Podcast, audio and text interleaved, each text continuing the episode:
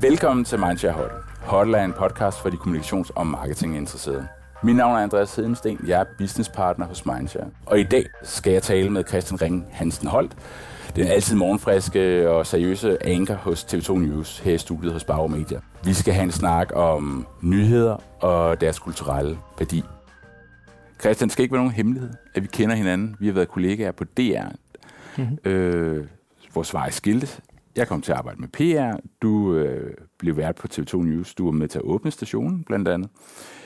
Øh, men der er faktisk mange i den her PR- og kommunikationsbranche, der aldrig har været på en nyhedsredaktion. Kan du ikke prøve at fortælle lidt om, hvordan man skruer morgennyheder sammen? Jo, det er jo en, det er jo en kompliceret proces faktisk i virkeligheden, og det er blevet mere kompliceret øh, i de år, jeg har været i branchen. Det kan vi måske vende tilbage til. Men sådan helt basalt, så øh, starter en øh, morgenflade på øh, en nyhedskanal. Den starter mange timer før. Den starter faktisk aftenen før. Det vil sige, at der er et helt hold af folk, der møder ind. For eksempel, jeg tror, de møder ind kl. 14 dagen før, og begynder at støve igennem, hvad er de nyhedshistorier, der kører lige nu. Øh, og hvad for nogle af de nyhedshistorier kan man tro på har en ny udvikling, som vil være interessant 15-16 timer senere. Og det er en øh, uh, sindssygt svær øvelse, som øh, kræver øh, nogle af mine allerbedste kolleger øh, til at sidde i virkeligheden og forudsige mediebilledet. Det, hvis du og jeg kunne det, så var vi jo blevet øh, rige folk allerede. Men det forsøger de efter bedste evne. Og så går timerne altså fra klokken 14 hen over eftermiddagen, hen over de store nyhedsudsendelser, og så begynder garnet ligesom at stramme til, når klokken bliver 20-21 stykker. Så begynder man at skulle have en idé om, hvad skal være topnyheden på den efterfølgende morgen. Øh, og øh, øh, mediebilledet har flyttet sig så meget, at man kan ringe kilder op på flere tidspunkter nu, end man kunne i gamle dage. Jeg kan huske, dengang jeg var ansat i Danmarks Radio, der sagde man i hvert fald ikke før klokken halv seks om morgenen. Øh, og det kan man sagtens nu, og heller ikke efter klokken 22 om aftenen. Det kan vi også. Så de sidste kilder kommer på før midnat, og så øh, ligger der sådan et øh, kit, kan man sige, en, sådan en, en programplan på, hvad er det for nogle 4, 5, 6 bærende historier, vi skal køre på om morgenen. Så møder vi ind, som, ja, der kommer redaktøren ind klokken 12 til midnat, og begynder at øh, læse op på historierne, og holdet møder ind ved 2-3-tiden. Om morgenen. Om morgenen. Om morgenen. Alt er om morgenen, når man laver morgenfjernsyn. Og så kommer værterne ind, øh, typisk klokken, eller kommer ind klokken 4, kort redaktionsmøde, og så er der altså tryk på kedlerne fra 4 til 6, fordi der skal vi nå at læse de historier igennem, øh, som jo altså er blevet legnet op. Der kan komme nye historier til. Øh, der kan komme noget ind undervejs. Og så skal vi selv forberede de interviews, som vi laver. Det, øh, det er en overraskelse for mange, at man faktisk sidder selv og øh, finder ud af, hvordan får man stillet de bedste spørgsmål, så vi får det bedste ud af interviewsene. Siger du så, at der er ligesom er kommet er der kommet flere nyheder, om man så må sige? eller, eller er mængden af nyhedsstof, er det den samme som for, ja, da du var på TV-avisen eller hmm på DR? Det er et rigtig godt spørgsmål. Og jeg tror, at øh, jeg bedst kan sige det sådan, at øh, baren for, hvornår noget kommer i en nyhedsudsendelse, den har forandret sig. Og hvad mener jeg så med det? Jeg tror ikke på, at der er blevet flere nyheder i verden. Men jeg tror, at nyhedsforbruget øh, er, er en sådan karakter, at øh, modtagerne gerne vil have udviklingerne, som de kommer. Et godt eksempel er for eksempel, øh, hvis der nu er finanslovsforhandlinger. Øh, så tror jeg ikke i 19, eller så var det ikke sådan i 1995, at det var en nyhed, at folk gik ind igennem glasruden, øh, og man så ligesom kunne få at vide, hvad gik de ind igennem glasruden med. Nej, så ventede man til forhandlingerne ligesom var landet måske om aftenen, eller måske flere dage senere, og så meddelte man så seerne, typisk i monopoltiden, forhandlingerne er endt sådan og sådan. Nu er det sådan meget karikeret sagt. Ja. Sådan er det ikke nu. Øh, nu øh, overvåger vi næsten, kan man sige, vi, vi tager en skive af nyheden hele tiden, når vi kan. Og det gør vi, fordi vi kan, og vi kan se på vores seere, at det vil seerne også gerne have på en nyhedskanal. Så, det så derfor ingen... så er der ikke blevet flere nyheder, men vi har flere skiver af ja. Så I tager mange af mellemregningerne med simpelthen? Ja, det er der nogen, der kalder det. Ja. Vi kalder det jo opdateringer. Ja. Eller, øh, eller, eller hvad skal vi sige, vinkler på noget, der ligesom udvikler sig hen ad dagen. Det skal jo så ikke være nogen hemmelighed, at for min side af skrivebordet, der kan vi jo måske fornemme, at der er nogle virksomheder, som tænker, okay, der er kommet flere medier, der er mm. kommet et øget pres på, på nyhederne. Det, det kan nogle til tider nærmest virke som om, at de her nyheder, de har fået sådan et skud anaboliske steroider, at der, der er virkelig kommet tryk på. Ikke? Øhm, at man så tænker, jamen, så kan man komme igennem med mere. Øh, Men oplever du det? Ja, det synes jeg. At, øh, at der, der, der, der er til tider, hvor man tænker, jamen, øh, at, at, der, at der er nogen, som ikke kender nyhedskriterierne. Altså øh, nogen hvem? Nogle journalister, eller hvad? Nej, men også øh, måske skal man sige kommunikationsfolk. Ja. Så til mit spørgsmål til dig, det er, ikke at vi skal være øh, bedre vidne og belærende, det, det er der ikke nogen, der gider at høre på, men, men hvor mange øh, sådan skal man sige, henvendelser får du eller TV2 News sådan på en dag? Har du nogen idé om det, eller kan du sætte det i perspektiv? Altså, øh, altså hvor mange pressemeddelelser får I for eksempel? Øhm, det har udviklet sig forskelligt. Jeg kan lige sige, lige nu sidder du og tager din uh, mobil. Ja, du tager min telefon frem, fordi jeg har lige fået en god kollega til at sende mig uh, inboxen ja. på TV2's uh, øh, mail. Ja. Og som du kan se her, så er der, altså listen er lang. Alene i dag over de mails, der dukker op, så er det jo alt lige fra øh, pressemeddelelser til øh, øh, folk, der gerne vil sælge nogle billeder, og der er også noget med en pythonslange, kan jeg læse, og eksplosion i Helsingborg, og så kommer der en politirapport ind, og så er der nogle forskellige, der spørger til, øh, hvilken størrelse øh, sko har verden. Altså, med andre ord, der kommer tusindvis af henvendelser i den der mailbox. Ja. Og med det sagt, så vil jeg sige, henvendelserne, der kommer på mail for eksempel, de har, er stor far for at drukne, synes jeg. Vi har selvfølgelig folk, der sidder og screener det igennem, som seerne sender ind på det, der hedder 1, 2, 3, 4. Men der, der kommer rigtig, rigtig meget. Så, så øh, der er kommet rigtig mange henvendelser. Mit indtryk, og det er sådan helt uvidenskabeligt, det er, at det er faldende.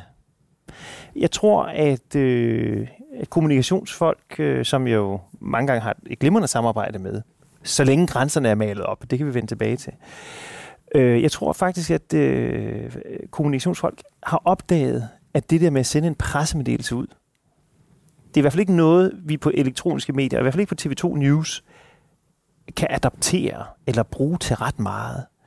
Jeg tror, at det er altså det, som... Altså der, hvor jeg får en inspiration til en nyhedshistorie, det er en personlig relation.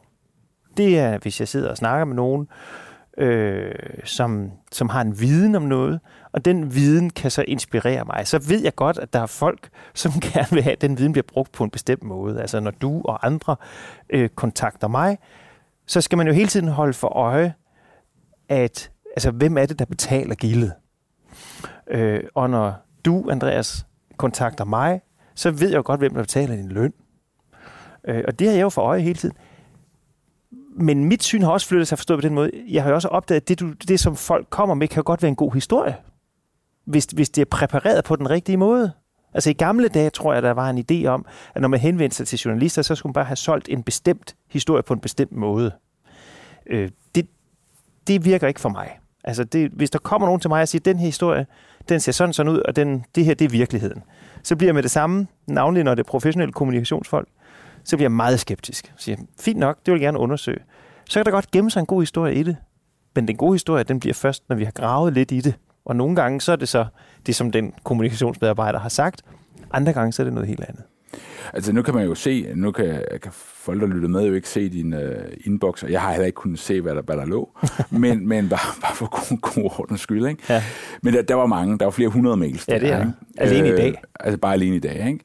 Så, så nogle gode råd, eller gode, et par, par, par ord med på vejen her, hvis man skal trænge igennem uh, Python-slanger og, og, og... Politirapporter. Og ja. den slags. Hvad, hvad skal hvad skal virksomheder eller kommunikationsfolk, PR-folk, eller der, der nu arbejder med, skal man sige, at præparere historier til medier, hvad, hvad, hvad, hvad, hvad skal de gøre? Det er meget, meget simpelt, og det er det, der er det svære. De skal bare fortælle den gode historie. Vi vil jo gerne fortælle den gode historie. Og hvis du fortæller mig, jeg har en historie, som er sådan, sådan, sådan, og det er en god historie, jamen, så prøver vi den af. Mm. Er det rigtigt, det som Andreas siger? Er det rigtigt, det som Ole siger, når han ringer til mig? Det ser, det ser rigtigt ud. Så kan det være, at vi prøver nogle andre kilder. Så er det en god historie, hvis det bliver bekræftet. Jeg, jeg har også oplevet nogle gange at få en historie, øh, og nu ved jeg ikke, hvor personligt det må blive, men altså at få en historie måske fra, fra dig, som lyder rigtig godt, øh, og så, så kigger jeg på det, og så hiver jeg selv nogle andre kilder ind. Øh, og, og hvis de kilder så, kan jeg sige, bekræfter historien, nogle kilder, som jeg som journalist tænker, det er nogle relevante kilder, der er en ekstra øh, ekstern ekspert her, som ikke er på lønningslisten, og som ikke I har fundet, for eksempel, jamen så kan det da være en udmærket historie. Det skal man ikke være bleg for. Men, men hele tiden vil jeg nok sige, altså hold for øje, hvem der betaler gildet.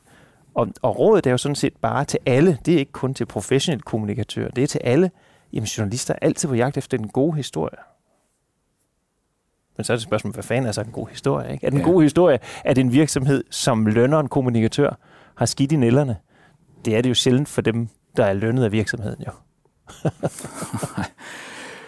øhm, men, men ja, vi har jo selvfølgelig været inde på det her med, om der er kommet flere, øh, flere nyheder, ikke? og det er der, hvor du siger, der er nok ikke kommet flere nyheder. Øhm. Men baren er også blevet anderledes. Altså, vi tager flere skiver af historien, ja. og så virker det, som om der er blevet flere nyheder. Ja. Men hvordan sikrer I så egentlig den her, skal man sige, kvaliteten hmm. af nyheden, eller nyhedsflowet øh, har et, øh, et højt niveau? Altså, for der skal jo produceres en del jo. Der skal produceres noget, og det er klart, at øh, tidsfaktoren arbejder nogle gange imod øh, dybden. Øh, det medie, som jeg sidder på, øh, en nyhedskanal, skal man hele tiden huske på, det er en nyhedskanal. Det vil sige, vi bringer det nye. Og så, så er der mange, der skyder sig i skoen og siger, jamen I har jo ikke dybden med. Øh, og det har vi heller ikke til at begynde med. Øh, og det er ikke meningen, vi skal have det til at begynde med. Vi er først, og så er planen, at man skal umiddelbart efter, vi har været først, kunne bringe et perspektiv. Nå, og hvordan kan det så lade sig gøre? Jamen det kan det ved, at vi fortæller nyheden først.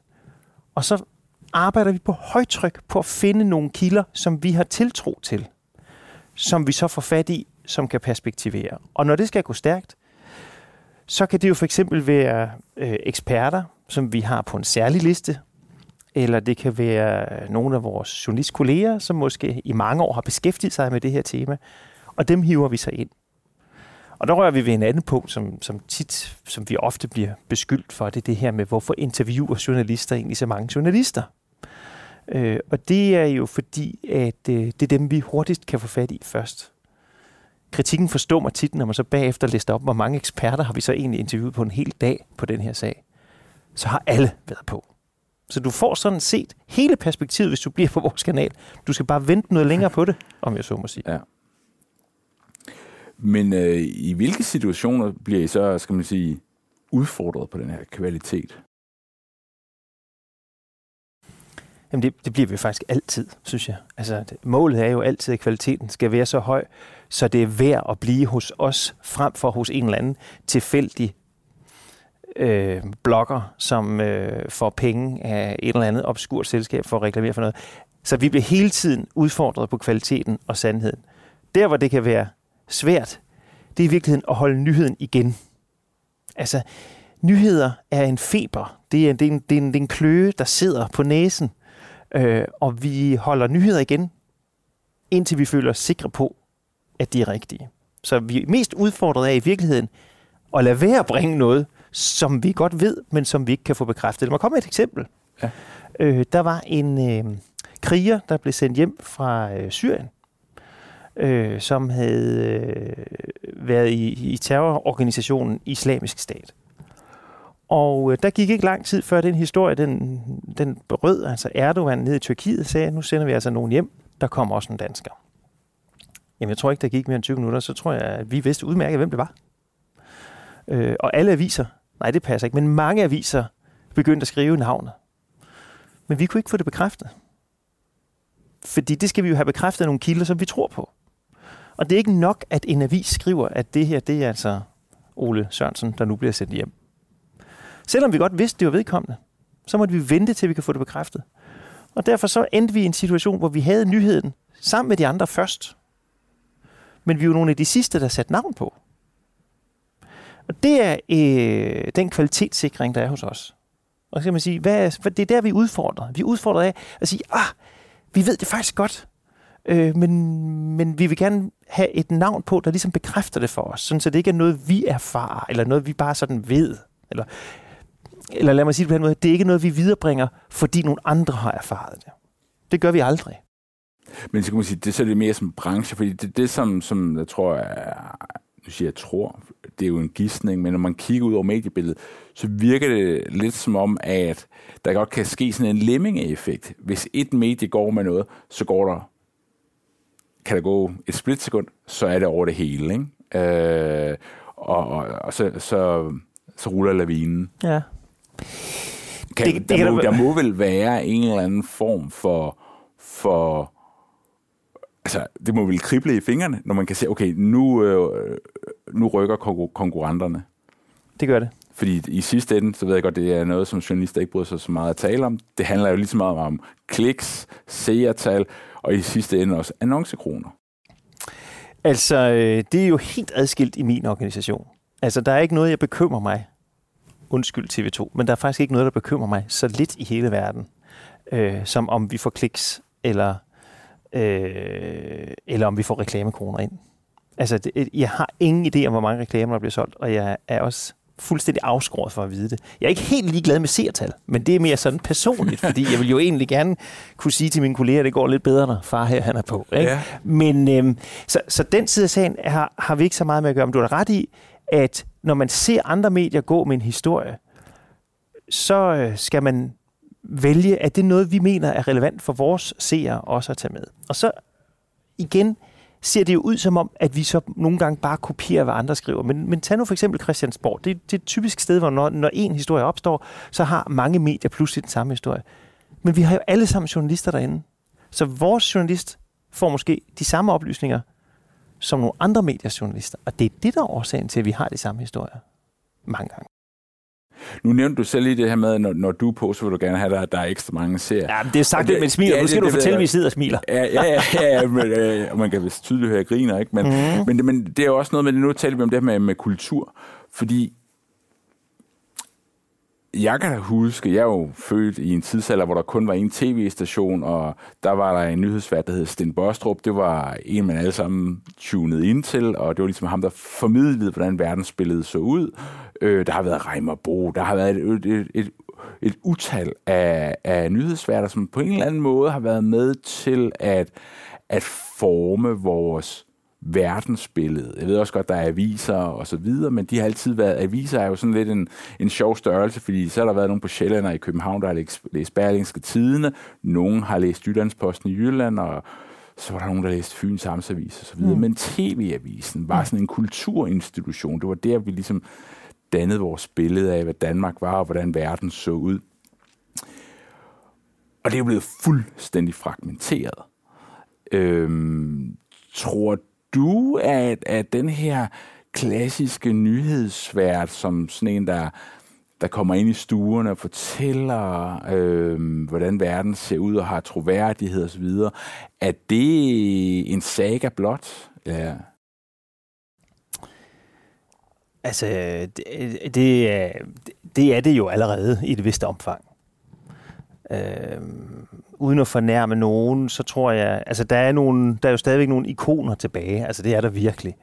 Øh, men jeg tror ikke, jeg fornærmer... Ja, hvem ser du som ikoner? Bare for at undskylde, afbryder dig, men, men det er jo meget interessant. Jamen, jeg tror, at øh, min gode... Jeg, jeg er ret sikker på, at når mine kolleger i Odense, for eksempel, når min kolleger Natasja Krone, for eksempel, toner frem, så er jeg ret sikker på, at der er meget stor troværdighed om det, hun siger og gør øh, øh, Cecilie Bæk, øh, Lasse Sjørslev, dem alle sammen, og også på TV-avisen Johannes Langkilde, øh, Kåre og alle de der. Jeg tror, der er meget stor øh, troværdighed om, om det, de siger og gør, og, og de er stadigvæk i en programformat, hvor de ligesom er den, hvis du forstår, hvad jeg mener. Ja. Det, de, de, de er et ansigt. I vores, på vores nyhedsstation, der har jeg egentlig indtryk af, at vi er et hold, der er den. Så det er ikke kun Øh, Øh, det er ikke kun mig, eller Miriam Sessler, eller hvad jeg, jeg tror faktisk, at folk ser news som sådan en, en, en, en bredere størrelse. Så på dit spørgsmål om, om der er enkelte personer, som ligesom træder ind og, og har en særlig adgang til folks stuer, så tror jeg, at det er mattet noget af. Men når det så er sagt, øh, så synes jeg, at man, når man har det job, som jeg har, og det er jeg meget bevidst om, skal gøre sig fortjent til det. Altså, det er ikke ligegyldigt, hvordan man agerer. Øh, og øh, hvis seerne lukker på grund af mig, så har min arbejdsplads jo virkelig et problem. øh, så man kan sige, folk skal have tillid til vores navn, og folk skal have tillid til os. Men folk, jeg har ikke indtryk af, at, at vi er 21 Sten Bostrup, der sidder på TV2 News. Nej. I al beskedenhed. Ej, det ville man da gerne være, ikke? Han er vel stadigvæk et ikon, er han ikke? Jo, sammen med Walter Cronkite og Reimer ja. Bro. Og, jo, jo, jo, det er det der. Og vi har, kan, man kan stadigvæk lære meget af det. Altså, jeg tænker meget på dem begge to. I særdeleshed Reimer Bro. Ja. ja. Hvad, hvad tænker du, hvad kan man lære? Kan man sige, sådan som Sten Bostrup er jo for en tidsalder. Ja. Ved godt, han, var, han levede jo også, da, da, da TV2 øh, gik i luften, ikke? Ja. Øh, øh, men hvad kan man lære af, af sådan nogle gamle koryfæer? Det, som, som, som jeg tager med mig øh, fra Reimer Bro, som jeg jo havde en, en periode, jeg arbejdede sammen med. Jeg var helt ung på TV-avisen og fik lov at følge ham i en periode. Øh, det var i virkeligheden den journalistiske indignation. Altså at slå i bordet og sige, det kan kraftigt ikke være rigtigt. Vi har sådan et begreb hjemme hos os, og nu ved jeg ikke, om Reimer nogensinde kommer til at høre det her, men i min familie har vi sådan et begreb, og det er, når man begynder at save, så er det ikke godt. Og det er fordi, at når, når, øh, når Reimer interviewer nogen, og han ligesom synes, nu, nu sker der noget, så kommer hånden op, og nu er det jo radio, vi laver, ikke fjernsyn. Men hvis man forestiller sig, at man ligesom laver en savebevægelse med hånden, øh, så begynder man at save. Og, og det, det har jeg selv måtte, jeg må selv sidde på hænderne nogle gange, fordi man kan blive så øh, indineret, både under et interview, men også privat. Så hjemme hos os, det lad nu være sav, ligesom Reimer Bo, sav folk i stykker. Så den person, altså, den der indignation, den, den har jeg i hvert fald taget med fra nogle af dem, øh, som vi nævner her. Vi var, vi var lige, lige kort inde på, at, øh, at der er kommet et utal af, af hvad hedder det nu, øh, nyhedsmedier og ja, ja. nyhedsprogrammer og så videre, så videre, så videre. Nej, må jeg sige, der er kommet ja. et utal af platforme. Det er meget vigtigt at, være, at sætte forskel på, at der er kommet et utal af platforme, og så er der kommet ut, utal af, af, af, af så er der et andet antal medier. Og når jeg siger det, så er det bare fordi, det her med at kalde en bloggersfære for et medie, det synes jeg faktisk ikke, det er. Den vil jeg meget gerne øh, ja. samle op, fordi det synes jeg er super interessant. Ja, men det er det ikke. Men, men det vi egentlig, vi, vi, vi, nå, det er egentlig, vi, vi er mm. ude i her, det var, at øh, jeres kollegaer over det er, at de har den her medieforskningsenhed, øh, og, og de hvert år laver de sådan en, øh, en stor rapport. Ikke? Og der, der, der har de nogle tal, der viser, at øh, folk under 40 føler, at, at simpelthen de bliver bombarderet i en sådan grad, at, øh, at, de, at de simpelthen ikke kan følge med længere. At de er de, de bliver hægtet af. Så det, de egentlig står tilbage med, det er nogle overskrifter. Det er det mm. eneste, de, de, de, de, de, de får, øh, hvad hedder det nu, øh, forholde sig til. Det er nogle overskrifter. De kommer aldrig nogensinde til at læse de her nyheder, eller, eller, eller se ny, øh, nyhederne. Det, øh, jeg tror, at det er der skriver, det, at de her unge mennesker føler, at de bliver ramt af en nyhed, nyhedstsunami. Ikke? Mm. Men det betyder vel også, at det øh, øh, stiller utrolig øh, store krav til jer om at fastholde, især måske yngre, øh, seere øh, og være mere forklarende. Det kommer an på, hvem jer er. Altså taler du om hele TV2 som enhed, eller taler du om mediebranchen, eller taler du om news? Fordi man kan sige, på TV2 News øh, lever vi af nyheder. Hardcore nyheder. Men mediehuset TV2 har jo taget den her ungdoms øh, udfordring meget alvorligt. Har oprettet øh, TV2 Eko, som er sådan en redaktion, der udkommer alene på sociale medier, og så også på nettet, typisk. Øh, og øh, det er jo et forsøg på at prøve at indfange øh, den generation, som ikke gider at se tv2.dk. Altså, hvem, hvem taster ind på tv2.dk, eller hvem altså, de her mennesker slår op på news, medmindre der sker noget. Og, og der har man forsøgt at lave, øh, og, og med held faktisk, lavet en redaktion, som laver fortællinger Og det, og det er meget vigtigt at skelne mellem at lave altså, egentlige nyheder, og så lave fortællinger. Øh, og det er vel at mærke fortællinger, og det lyder fortærsket, på de unges vilkår, men prøv det. Jeg vil bare sige, de, de rammer. Altså, jeg havde en erhvervspraktikant forleden, som jeg havde lavet et rigtig fint program for, synes jeg selv. Hun skulle ind og se Christiansborg, hun skulle med far herind og se, hvordan bliver så nyheder op. Hun skulle ud og køre live bil, og hun skulle en masse ting. Hele ugen var plastret til. Så siger hun, men hvor laver I egentlig eko hen? Og det slog mig lidt. Altså, det vil de gerne se. De vil gerne se, hvor laver vi eko hen, fordi nu er det altså lykkedes eko at kommunikere med det der segment, som er så forbandet svært at kommunikere med. Laver de så nyheder på Eko? Nej, de laver fortællinger. Og hvad er så fidusen i det? Indtil videre er fidusen, at vores lille bitte logo er med. Det er en TV2-ting. Og jeg tror, at vores håb er, at jo mere disse mennesker ser Eko, som kommer op i deres Facebook-stream på Insta, på Snap, hvor de kommer ud alle steder, jo mere vant til bliver de, jamen det er et TV2-produkt. Og så tror jeg egentlig, planen er, at øh, når de så vokser op, så er TV2 på en eller anden måde listet lidt ind i deres bevidsthed. Så får de ikke politisk analyse øh, til at starte med, eller finanslovsforhandlinger. Nej, nej. Men i hvilken retning ser du så den her for nyhedsformidling gå? Du var selv inde på noget med noget blog og noget, ja, noget værk det er jo, der, ikke?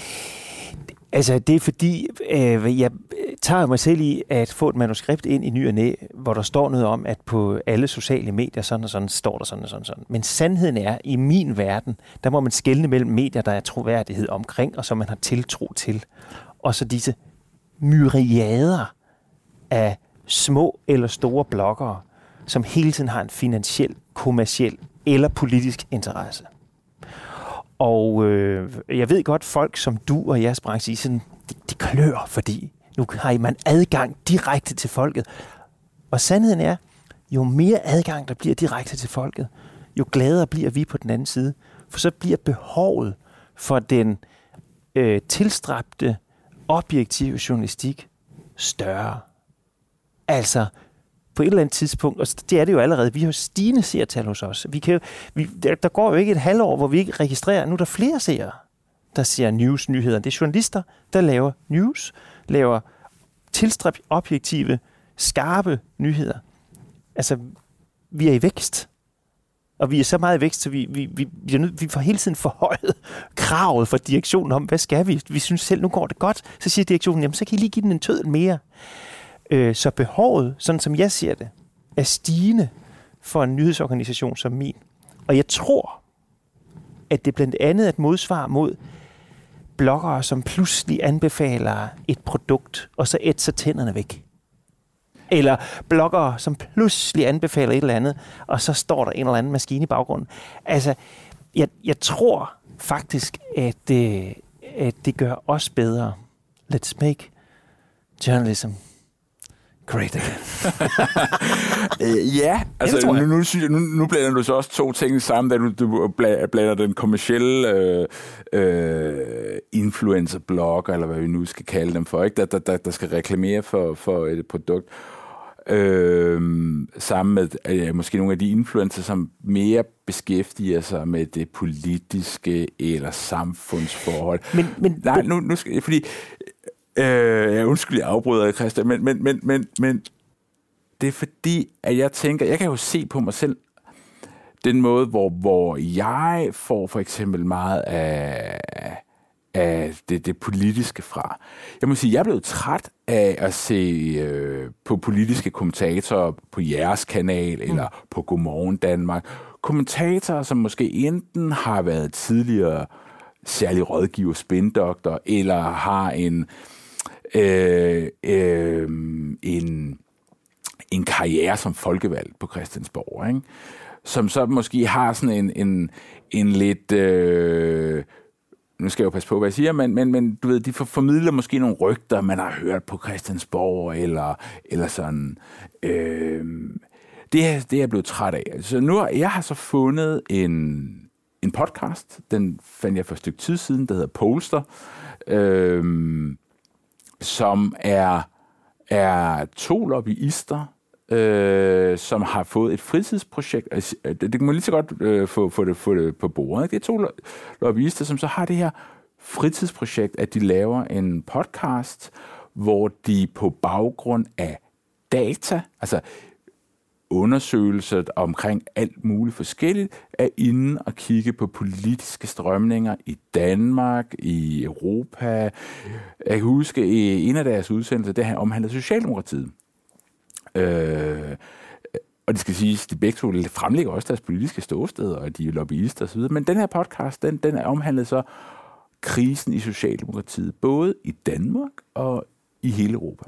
Øh, sindssygt spændende. Jeg vil sige, sådan noget synes jeg er, det er der, hvor jeg henter min, øh, skal man sige, øh, politiske viden fra.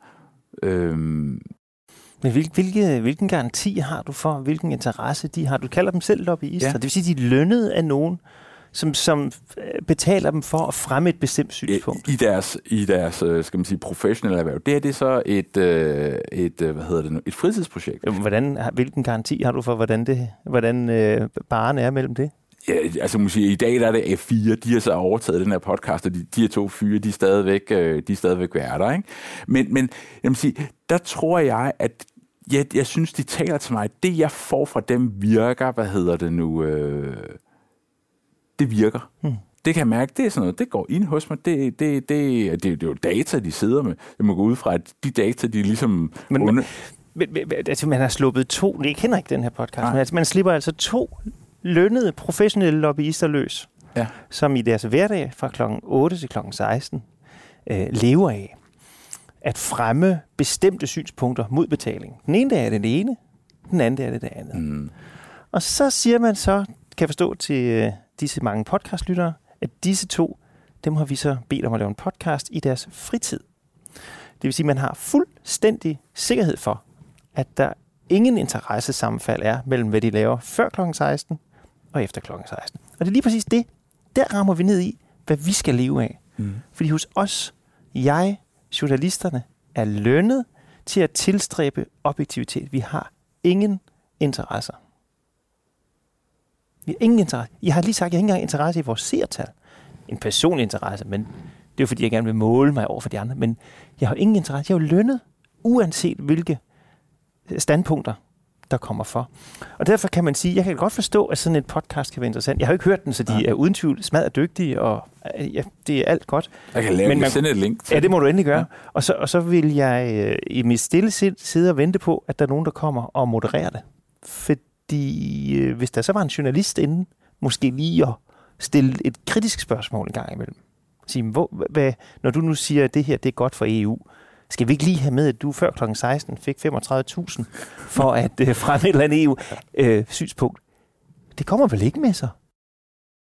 Øh, så nu, nu, nu øh, inden vi skulle herind og lave det her, så, så kontaktede jeg selvfølgelig en af værterne, øh, Sune Steffen Hansen hedder han, og han forklarede, at, øh, at nu her er de øh, blevet overtaget, tror jeg han kaldte det for, af, af fire, og så er der selvfølgelig kommet en eller anden form for øh, journalistisk øh, øh, øh, godkendelse af, af det, det, det, de laver. Men stadigvæk, jeg tænker bare, at at det må være en kæmpe udfordring, hvad hedder det nu, øh, for, for, for et, øh, en medievirksomhed som TV2, TV2 News, at der er alt, du kalder det også selv for en myriade ja. af, af, af forskellige øh, instanser. Der er den, øh, hvad hedder det, nu skal jeg til at sige, den, korte radioavis. Nej, men, det er der jo ikke mere. Nej, men... men den korte avis. Den korte avis, ikke? Ja. Og, og, og Den Fri, og Pio, og ja. alle de her øh, øh, nyhedsmedier, ikke? Og det er jo det, som Øh, sådan som Barack Obama. Øh, jeg så den her, det her interview, han lavede med David Letterman, hvor han nærmest undskyldte for, at han har været med til at lave den her personificering af, af, af nyheder. Han var jo kendt for, at han var meget målrettet helt ned på mikroplanet og sige, de her mennesker her, de interesserer sig for det, ergo skal, skal de have de her nyheder, de skal have de her nyheder om, omkring mig. Det undskyldte han for nærmest i den her samtale med David Letterman. Men, men det er jo vel sådan, det er blevet, at vi indhenter de nyheder, som, der, som vi har interesse for. Ja, det er jo det, der er udfordringen, kan man sige. Øh, Jeg tænker også Det- på TV2 News, du er selv blevet vært for det, der hedder Business Class, ja, for eksempel. det var kun vikariat, desværre. Men jeg har været det, det er rigtigt, ja. Men det er vel også, fordi man laver en nyhedsudsendelse eller et samtaleprogram Ja, til folk, der har en særlig interesse ja, for, for, for erhvervslivet. ja. Det er du ret i. Øhm, og jeg er ikke helt sikker på, hvor du er hen med det, men det er du ret i. Altså, der er jo, men, men det er jo en journalistisk genre. Der, der er jo forskellige journalistiske genrer igen. Der er forskellige gear at køre i. Der er, der, første, der er første gear, hvor man skyder kuglerne af, lige så hurtigt man får dem ind. Og vi lige så hurtigt man får dem ind, verificeret, og få dem godkendt og sendt dem afsted igen. Det er nyhedsfladen, typisk på en morgenflade. Og så er der nogle andre gear, for vi har nogle magasinprogrammer, øh, hvor vi forsøger at komme mere i, i dybden og perspektivere mere. Business Class er et af dem. Øh, presselogen er et andet. Øh, tirsdagsanalysen, Besservisserne, øh, Verden ifølge Trump. Så vi har jo nogle programmer, hvor vi forsøger at komme ned i gear. Og så har vi jo, skal jeg lige huske at sige, også nogle af de her pop-up-programmer. Nu skal det ikke blive en salgstale for Nej, nej, TV2 nej. News, men, men bare for at fortælle, at vi jo godt er klar over, at, at, der også, at det også kan være vigtigt at få et perspektiv. Altså, øh, i forbindelse med, øh, med den her sag om Britta Nielsen, som kører øh, i, i retten, hende der har øh, er i retten for at have svindlet staten for 117 eller 114 millioner kroner, hvor meget det nu er. Øh, det, det er et meget godt eksempel på, hvordan vi dagen igennem kører en skive af og siger, nu er der sket det, nu er der sket det, øh, nu har hun sagt det, sådan, sådan, sådan. Og så om aftenen, så samler vi sammen. Så vi har begge gear. Og det er jo fordi, at vi regner med, at der er nogen, der har en speciel interesse i det her. Du er ret i, i den, i den halve time, der rydder vi fladen for folk, der har den interesse. Det er rigtigt. Men jeg tænker også på, hvad hedder det nu, at, øh, at for eksempel nu, nu, hvor I har magasinprogrammer, så er der jo også, ligesom nu i hele den her podcast-verden, det kan vi jo se, at den er jo eksploderet. Hmm. Altså jeg tror, man, man nogle af de undersøgelser, vi har lavet, viser, at, øh, at antallet af lyttere på podcast er blevet fordoblet på to år. Hmm. Øhm, Det er den også os på streaming. Altså, man kan jo ikke sammenligne radio og tv, Nej. men, men man kan jo bare se, at øh, det her businessmagasin har et antal seere, mens vi sender, og det bliver så fordoblet efterhånden, som det ligger på vores hjemmeside. Folk går ind og finder det og ser det. Så, så det må være samme mekanisme. Ja, og det er jo vel også et medie, som, altså, det viser undersøgelserne jo igen også, at, at flere og flere unge ser mindre tv og går over til podcast. Ja. Er, det, er det sådan, som, er det noget, du kunne måske forestille dig, at man at nogle af de ting, I laver, nærmest ville kunne udkomme som podcast, hvor man siger, ja, vi laver det på tv, men lyddelen vil kunne også fungere som podcast. Ja da. Altså, vi har jo allerede på vores app en mulighed for at trykke på en knap, så får du news som radio. Og jeg bruger det jo selv, når jeg er ude at løbe, eller øh, hvis jeg kører bil øh, og lige skal opdatere mig, så trykker jeg på den knap, så, så kører det som radio. Og man kan sige, der hvor man er virkelig sat af, det er så, når vi har nogle udenrigshistorier på, fordi der er jo så undertekster på, når de taler arabisk. Så må man sige, der er man jo virkelig sat af, ikke? hvis man ikke kan arabisk for eksempel. Men jeg bruger det da meget som radio. Øh, og jeg ved, at, at som sagt, vores magasinprogrammer også, vi, vi bruger også øh, flere kræfter. Der sidder en hel redaktion nu, øh, som ikke i gamle dage fandtes, som nu pinder ting ud af vores flade øh, og klipper dem til og lægger dem på nettet. Altså lægger dem på vores hjemmeside. Ikke som egentlig podcasts, det tror jeg ikke, men, men de ligger på TV2 News' hjemmeside. Så hvis man siger, jeg fik ikke lige, eller på TV2's hjemmeside, der ved jeg, at der er et bånd for neden, der hedder interviews på dagen for eksempel, eller vi anbefaler det her. Og så ligger der noget for Søren Libert, en eller anden spændende sekvens, hvor han har tvunget en stakkels politiker til at indrømme et eller andet, eller hvad det nu kan være. Ikke? Så, så, så den funktion findes der, men at gøre, men at gøre tv decideret til radio alene, så er det jo Radio Kill the TV Star. Det kommer aldrig til at ske. Det tror jeg ikke. Hvis det står til dig, ikke? Ja, men det er jo et visuelt medie, Andreas. Man kan jo ikke, altså, radio kan mange ting, men fjernsyn kan mere. Den lader vi lige stå. Yep. Nej, men, men, men, men der er også noget, jeg, jeg har, og det, det ved jeg også, det er sådan, når mikrofonerne er, er slukket og, og sådan nogle ting, så har der er noget, vi har drøftet meget, sådan, øh, diskuteret, øh, nogle gange i net. øh, det er det her med, om, om, om nyheder øh, er blevet underholdende. Ja. Øh, og jeg kan huske, at jeg sendte dig en mail eller en sms, at jeg synes måske, at I havde været for hård ved Lars Løkke i forbindelse med, at han øh, trådte tilbage til formandskift, øh, trådte tilbage der som formand i Venstre. Mm-hmm. Jeg forstod ikke helt alle de ressourcer, der blev kastet efter øh, at dække i mine øjne ingenting. Mm-hmm. Lad mig prøve at forklare, fordi man kan sige, at på det her tidspunkt var han jo bare, bare en, øh, en partileder, som, var, som var på vej ud af partiet, ikke? eller i hvert fald øh, på vej væk som formand. Der var ikke rigtig noget. Jeg er jo helt uenig med dig i, men det er fint. Øh, øh, altså, man så journalister løbe rundt på en parkeringsplads et eller andet sted i udkants Danmark. Hmm. Øh, altså, det var jo ikke bare én journalist, det var hober hmm. af journalister. Og så når man så tænker øh, på den her, hvad hedder det, skatteunddragelsessag, eller eller hvad, hvad kunne det ellers være? I hvert fald lad os tage skatteunddragelsessagen. Så, så, så, så, så virker det bare ikke øh, som om, at, at der er den samme iver øh, efter at øh, gå efter øh, øh, ministre, tidligere ministre, embedsfolk, eller det kunne også være telemastesagen, ikke? Altså, hvor der er mulige øh, øh, voldsmænd, forbrydere, som er blevet sat på fri fod, fordi man har den her telemaste-sag. Altså, der må jo også være ministre, eksministre, som, som, som man kunne løbe rundt efter på parkeringspladser og så videre.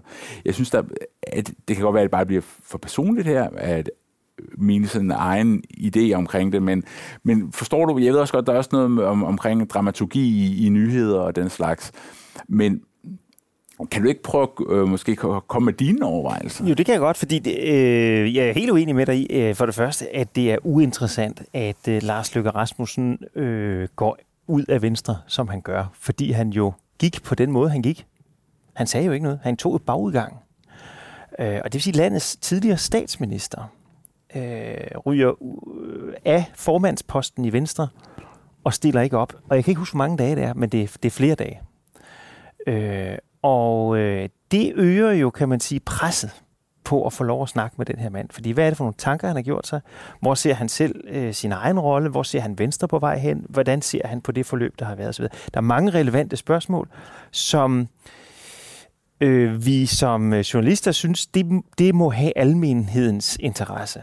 Og så synes jeg i virkeligheden, det taler til vores fordel at vi faktisk lægger så stor øh, en indsats for dagen for at få de reaktioner, som, som er nødvendige. Vi kan jo ikke fortælle, hvad Lars Løkke, Lars Løkke Rasmussen mener, hvis han ikke selv stiller op. Vi er jo ikke Pravda, som bare læser en pressemeddelelse op. Så vi vil gerne have manden i billedet, og det gør man så nogle bestræbelser på. Så jeg er helt uenig med dig i, at det ikke er interessant, når landets statsminister, tidligere statsminister, formand for et parti, som på det tidspunkt var i krise – det var hans, en af hans allernæreste, som var med til at bringe krisen til tors, sådan som jeg opfatter det, øh, nemlig øh, Claus Hjort Frederiksen. Øh, og, øh, og det er ikke noget, det er ikke min analyse alene. Altså det kan man jo se, øh, at vores analytikere også har haft osv. Så, så derfor bruger vi mange kræfter på det. Når det så virker, hvis det, hvis det så kan virke som om, at vi bruger flere kræfter på det, end på skatteunddragelsessagen, så vil jeg sige, det, det kan jeg næsten sige, uden at have kont- krydskontrolleret det. Vi har brugt langt flere kræfter på skatteunddragelsessagen. Men de bliver brugt på en anden måde. Hvor man kan se os rende rundt, min, mine øh, kolleger rende rundt, det kan du se på billederne. Så kan du ikke se på billederne, at vores redaktion siden februar måned, altså det er jo 5-6 måneder, har arbejdet intenst, været i USA, jeg ved ikke hvor mange gange, for at løse historien om, som vi så kunne breake, at de her øh, to amerikanske amerikanere har kunne trække udgifter fra til den, skal vi sige, øh, til det, de har lavet. Det er en aftale, de lavede med skat, når vi skulle tilbagebetale nogle penge. Men Vi skal ikke betale, tilbagebetale helt så mange penge, for vi kan godt få lov at trække nogle af udgifterne fra, som vi har haft, til at begå denne her situation. Det er en afsløring, som vi har lavet. Mine kolleger har lavet. Og der kan man sige, at arbejdet foregår mere i det skjulte på sådan en, en historie, end det gør med Lars Løkke Rasmussen på en parkeringsplads. Og det er jo også det, som, som vi taler om, det med det dramaturgiske. Ikke? Vi har prøvet bare måske i virkeligheden bare at sætte mig lidt på tv-serien ja, ja, ja. fordi I får jo også tit og ofte mange hook ja. øh, for den måde, I laver nyheder på. Ikke? Ja. Og, øh. og, og lad mig så sige, vi skal da heller ikke være bange for at gribe egen barm. Altså nogle gange, så kan man da også måske tage sig selv i at tænke, okay, hvorfor skulle vi lige se det? Øh, men, men fordi at mit medie er så meget live, som det er, så kan du aldrig helt vide, om statsministeren stopper leg, når man står med mikrofonen på, og, og vi ligesom er på. Og så kan det selvfølgelig godt virke meget dramatisk, at man stiller op og stiller spørgsmål, og han siger, det vil jeg ikke snakke med dig om, eller går videre, eller vender om og går ind ad en dør. Det er live-tv's øh, øh, præmis i den sammenhæng.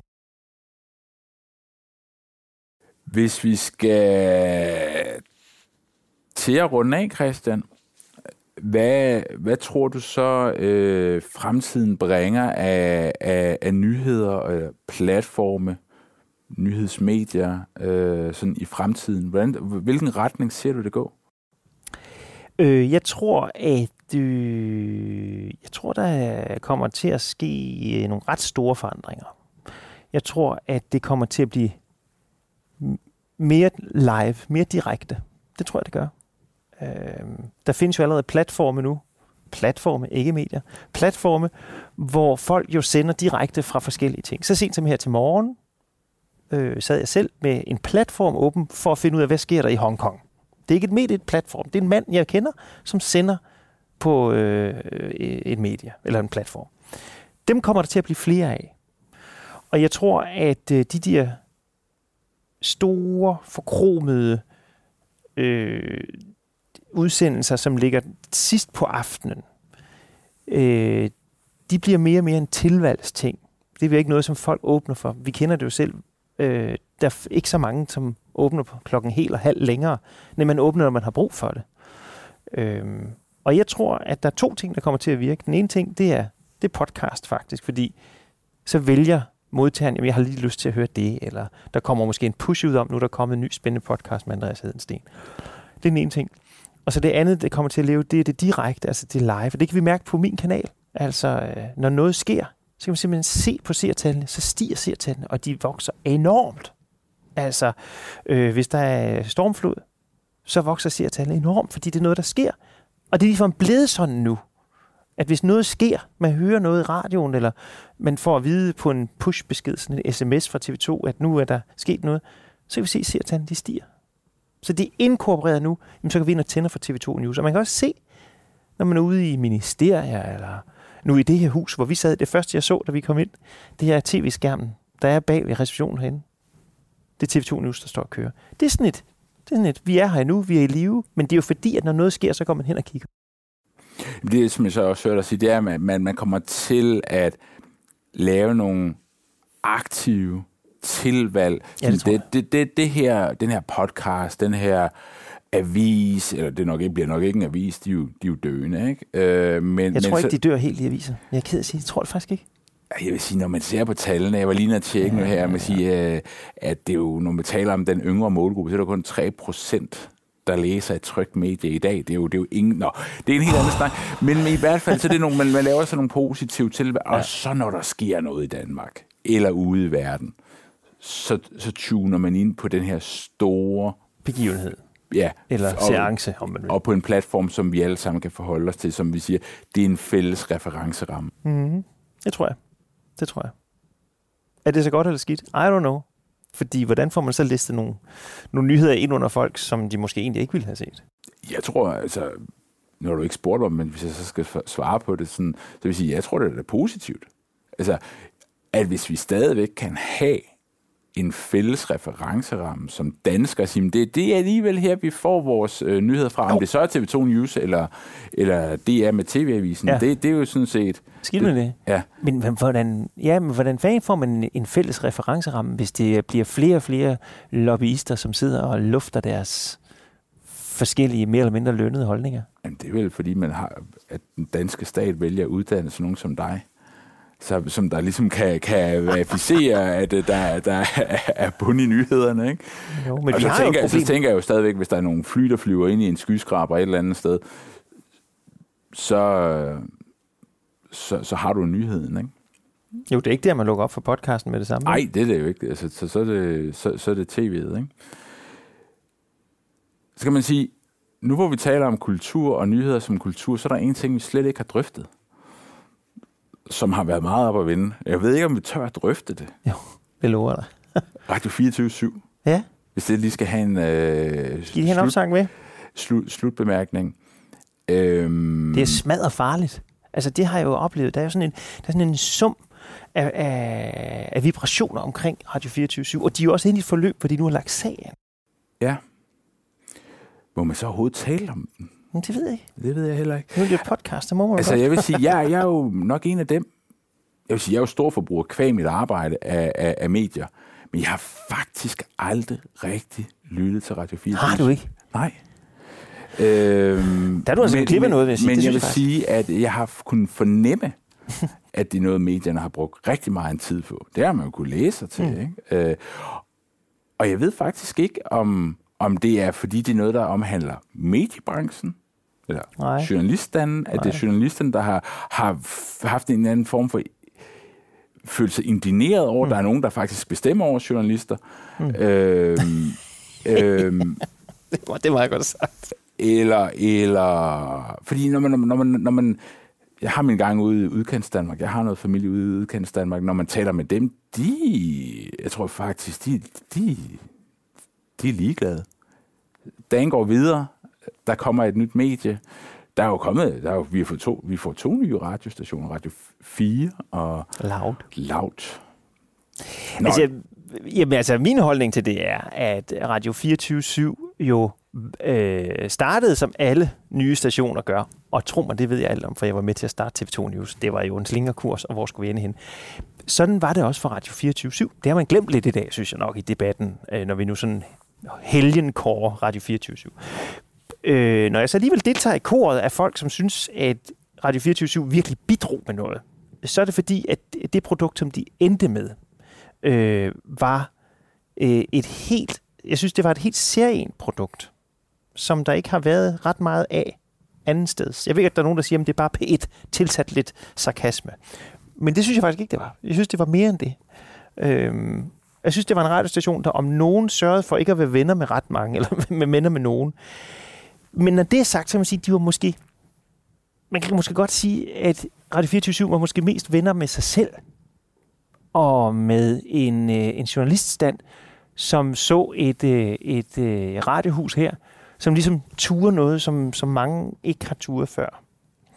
Og, og når du så spørger til, hvorfor har det så fået så stor traction, så stor dækning, hvorfor roterer det så meget, at den her radiostation er lukket, så tror jeg, det har noget at gøre med et oprigtigt, en oprigtig frygt fra øh, journalisters side for, at der måske, måske øh, har været urent mel i posen.